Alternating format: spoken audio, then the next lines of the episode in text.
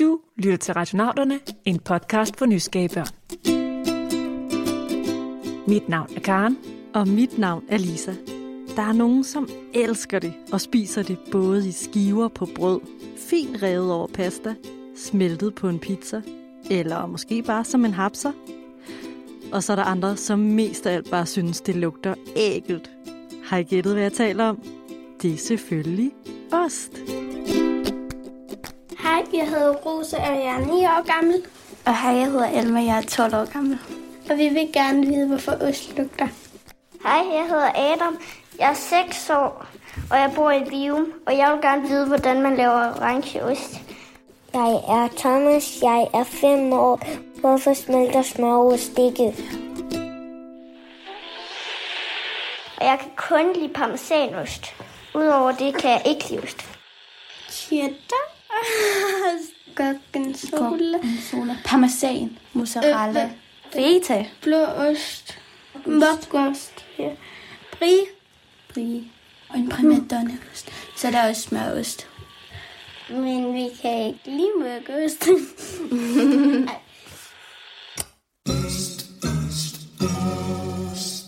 Ja, der findes utrolig mange oste, og nogle er altså bedre end andre. Hvad synes du, Karen? Altså, hvis jeg måtte spise bare én mad resten af mit liv, så skulle det være en ostemad. Og jeg ved ikke engang, om jeg kan vælge en yndlings. Måske skulle det være en gruyèreost fra Schweiz. Også fordi dem har jeg nemlig set blive lavet op i bjergene. Har du nogensinde set nogen lave ost, Lisa? Nej, det har jeg faktisk ikke. Jeg plejer bare at spise dem. Indtil nu i hvert fald. For jeg har nemlig været på besøg hos en, der laver sin egen ost, og som virkelig er ekspert i oste. Der findes bløde oste, fastoste og hårdoste.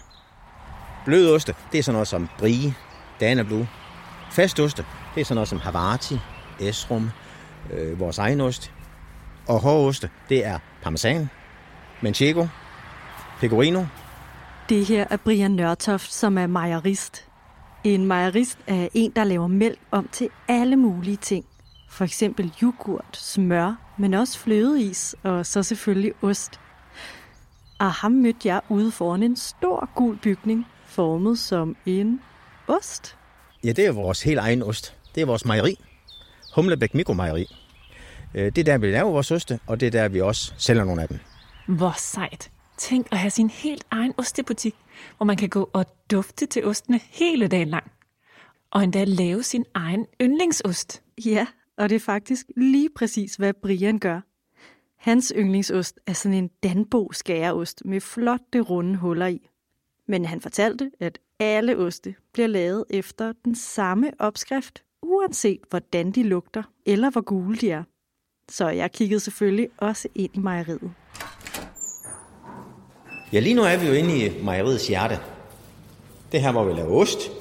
Det er her, hvor vi laver is. Og det er her, hvor vi laver smør. Og det her, det er et ostekar. Det her, det er en ganske almindelig tank, hvor vi har mælk i. Og herover har vi det, der hedder et pladeapparat. Det er der, hvor vi varmebehandler mælken. På mejeriet lugter der altså ikke. Men der er til gengæld en masse rør og kar i alle mulige former og størrelser. Men det vigtigste er nok ostekarret. Det ligner lidt et stort badekar, bare lavet i stål. Og det er altså ikke fordi Brian han ligger og plasker rundt og tager karbad herinde. Det er simpelthen nede i karret, at selve osten bliver lavet. Og karret er så stort, fordi der skal være plads til en hel masse af den første ingrediens i osten. Den er hvid og kommer fra sådan en her. Eller for eksempel sådan en her. Selvfølgelig, det er jo mælken. Men Lisa, mælk det er jo helt flydende, så det er jo egentlig lidt mærkeligt, at det kan blive til en fast ost. Ja, det er det. Også fordi mælk faktisk mest af alt består af vand. Men der er også en hel masse andet i. Der er både forskellige vitaminer, salt og en del fedt i. Men så består mælk også af noget, der hedder protein. Det er i virkeligheden nogle bitte små byggeklodser, som er ret vigtige for vores kroppe. Blandt andet er vores muskler og vores små celler bygget af proteiner nemlig. Og det sidste mælk består af, det er sukker. Sukker? Er der virkelig sukker i mælk? Ja, men det er altså ikke det hvide sukker, du kender fra sukkerkrukken. men mælkesukker, som også hedder laktose. Og alt det her i mælken, både fedt, protein og specielt mælkesukker, det er vigtigt for at lave en ost. Hov, hvem er nu det? Det her er faktisk den anden ingrediens. Det er en ingrediens, som vi ikke kan se, for det er nogle bitte, bitte små organismer. Mælkesyrebakterier hedder de. De lyder virkelig søde. Men hvor kommer de fra? Kommer de så fra mælken, når de hedder mælkesyrebakterier? Mm, Mælkesyrebakterier findes faktisk overalt. De findes på koen og gedens yver, og på den måde kan de også komme ned i mælken. Men både den mælk, du drikker fra karton og den på mejeriet, bliver varmet op for at dræbe dårlige bakterier. Og det dør de her mælkesyrebakterier altså også af. Så Brian han må få sine mælkesyrebakterier fra laboratorier, som er eksperter i at lave de helt rigtige mælkesyrebakterier. Og når jeg siger de helt rigtige, så er det altså fordi, at der findes tusindvis af forskellige slags. Og heldigvis for det.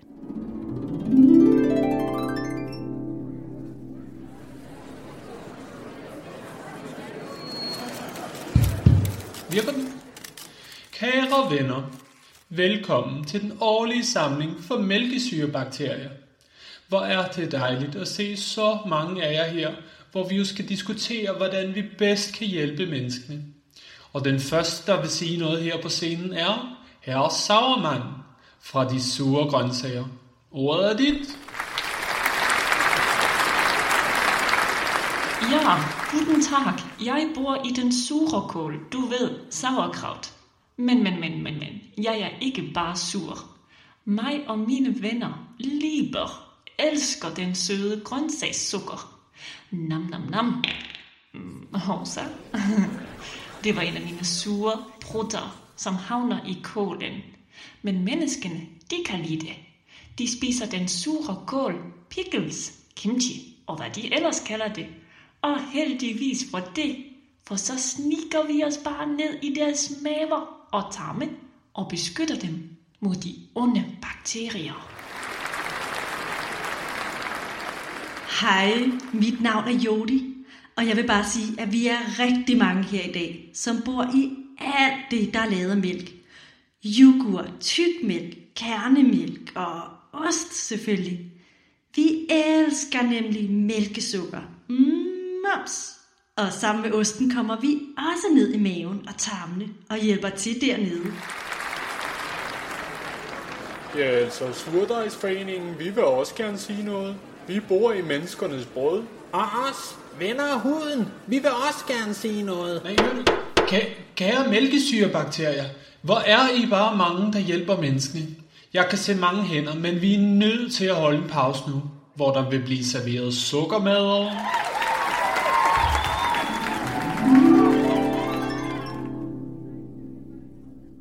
Øj, sikke en forsamling. Tænk, at der findes så mange forskellige slags mælkesyrebakterier. Det anede jeg ikke.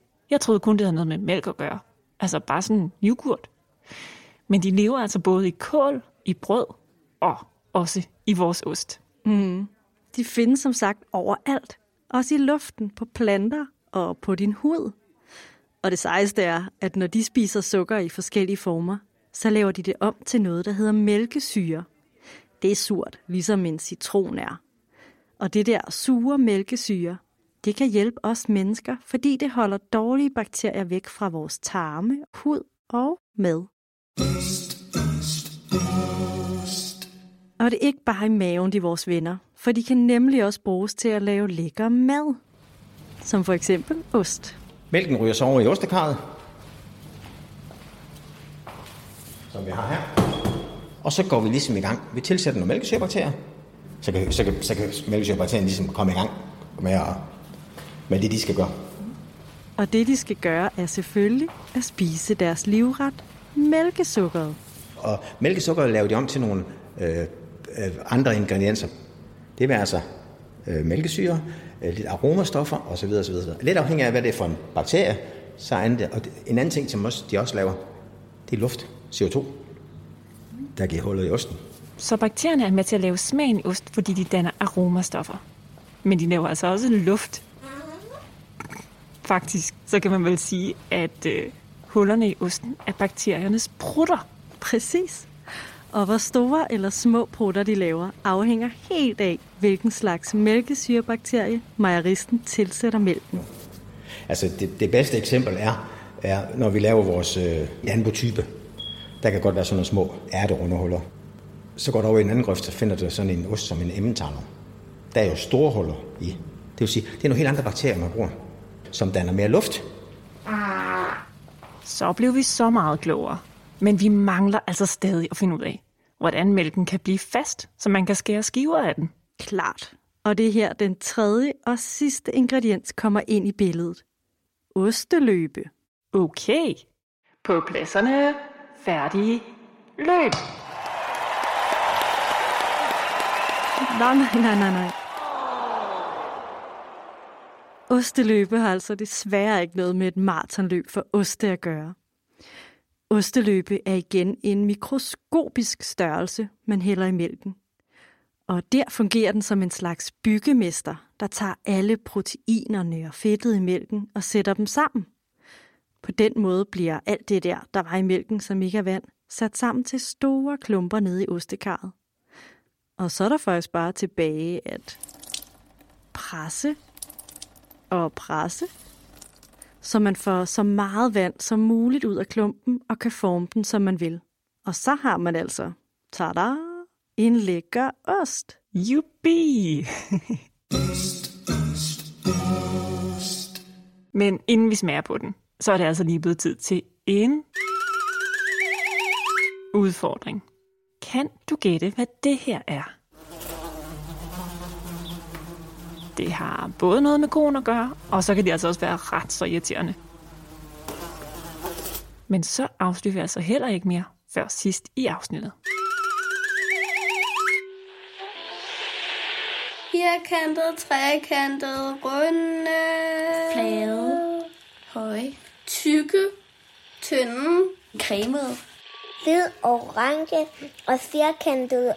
De er tit sådan lyse. Sådan lidt lysegul. Hvideagtige. Og nogle gange har de noget grønt eller blåt i. Det kan jeg ikke lide. Lovbrødost lugter fælt. Og de andre oste lugter godt. Der er nogle, der lugter stærke. Nogle lugter også lidt surt. Cheddar ost, synes jeg, lugter dufter. Normal ost, sådan, det kalder vi nogle gange også en stinkeost. Især hjemme hos min morfar, der stinker den rigtig meget. Tykke, tynde, blå og orange. Vores kloge lytter har helt ret i, at ost kan se meget forskellig ud. Og duftene, de kan være kraftige. Åh, oh. suretær. Øh, harsk fedt.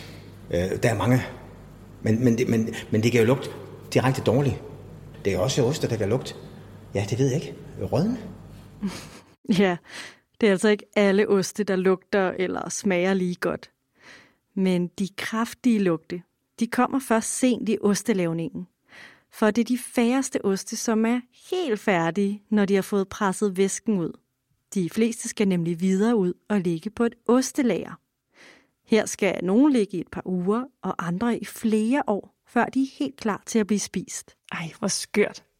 Spiser man virkelig oste, som er flere år gamle? Ja, altså for eksempel skal nogle parmesanoste ligge på lager i 10 år, før de er klar. Men du skal huske på, at mælkesyrebakterierne har lavet mælkesyre, som gør, at osten kan holde sig rigtig længe. Og mens de ligger der på ostelageret, så sker der stadig spændende ting. For de små mælkesyrebakterier er her stadig. Der er ikke mere mælkesukker tilbage nu, men så går de jo bare i gang med at spise proteinerne, som er i osten. Og det giver både kraftigere smage og dufte. Og når man nedbryder proteiner, så kommer der nogle gode smage. Der kommer også nogle dårlige smage. Og jo ældre de bliver, jo flere aromaer bliver der dannet. Og jo flere aromaer der dannet, jo mere lugter de. Hvis man analyserer en ost, der er et år gammel, jamen så er der måske 1000 aromaer, hvis det gør det. Altså mange dufte af forskellige bakterier, som har gået ind og lavet nogle... Øh, øh og det kan være alt. Så det er, det er simpelthen hjertet i, øh, i osteportionen, det er mælkesyrebakterien.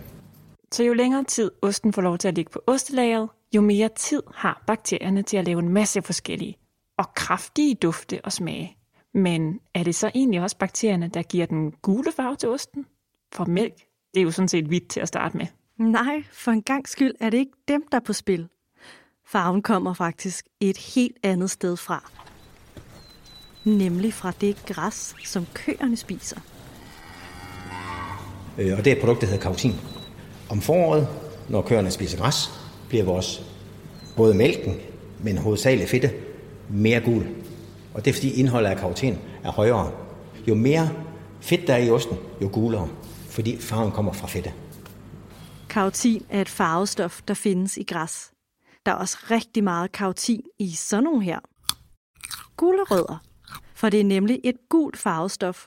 Så når koen spiser græs, får mælken lidt af det her gule farvestof blandet i. Man kan ikke se farven så tydeligt i mælk, for der er ret meget vand i mælk. Men når vandet forsvinder, kan man tydeligere se den gule farve.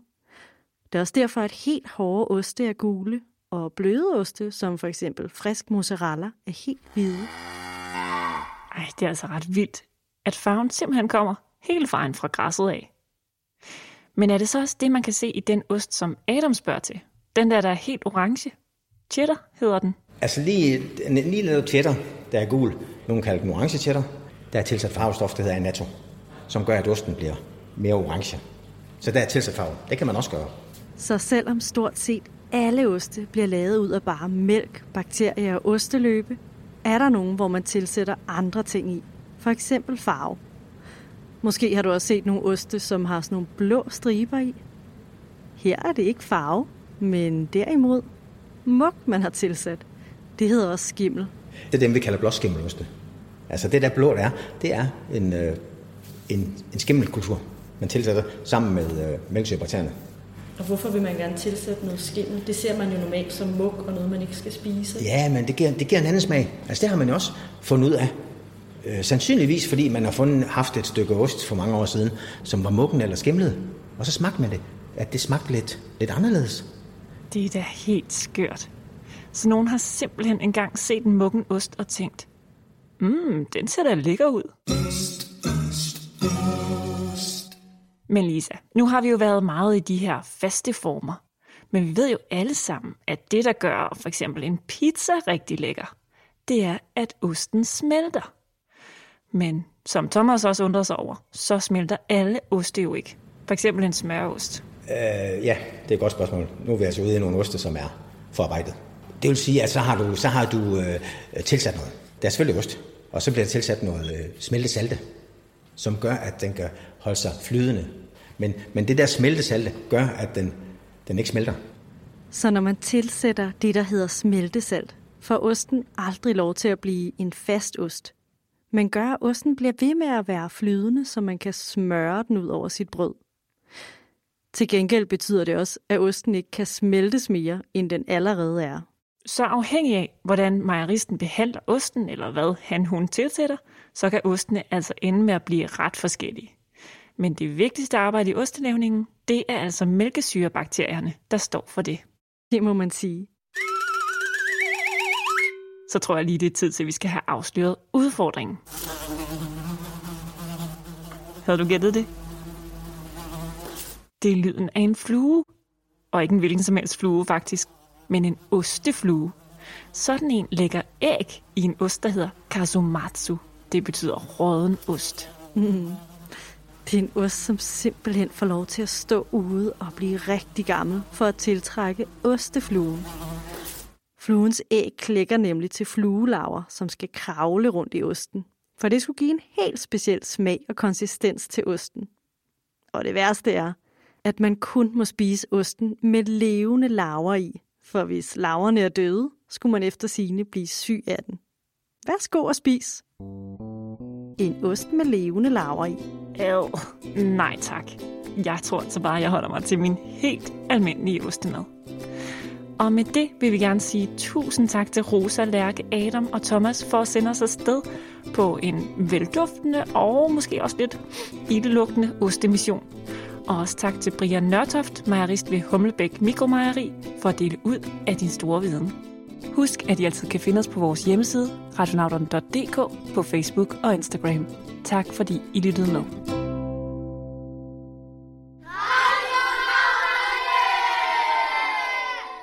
Radionauterne er produceret af Karen Bryl Birkegaard og Lisa Bay med støtte fra Novo Nordisk Fonden. Med os i redaktionen sidder Laurits Løsø Fagli og Philip Søborg.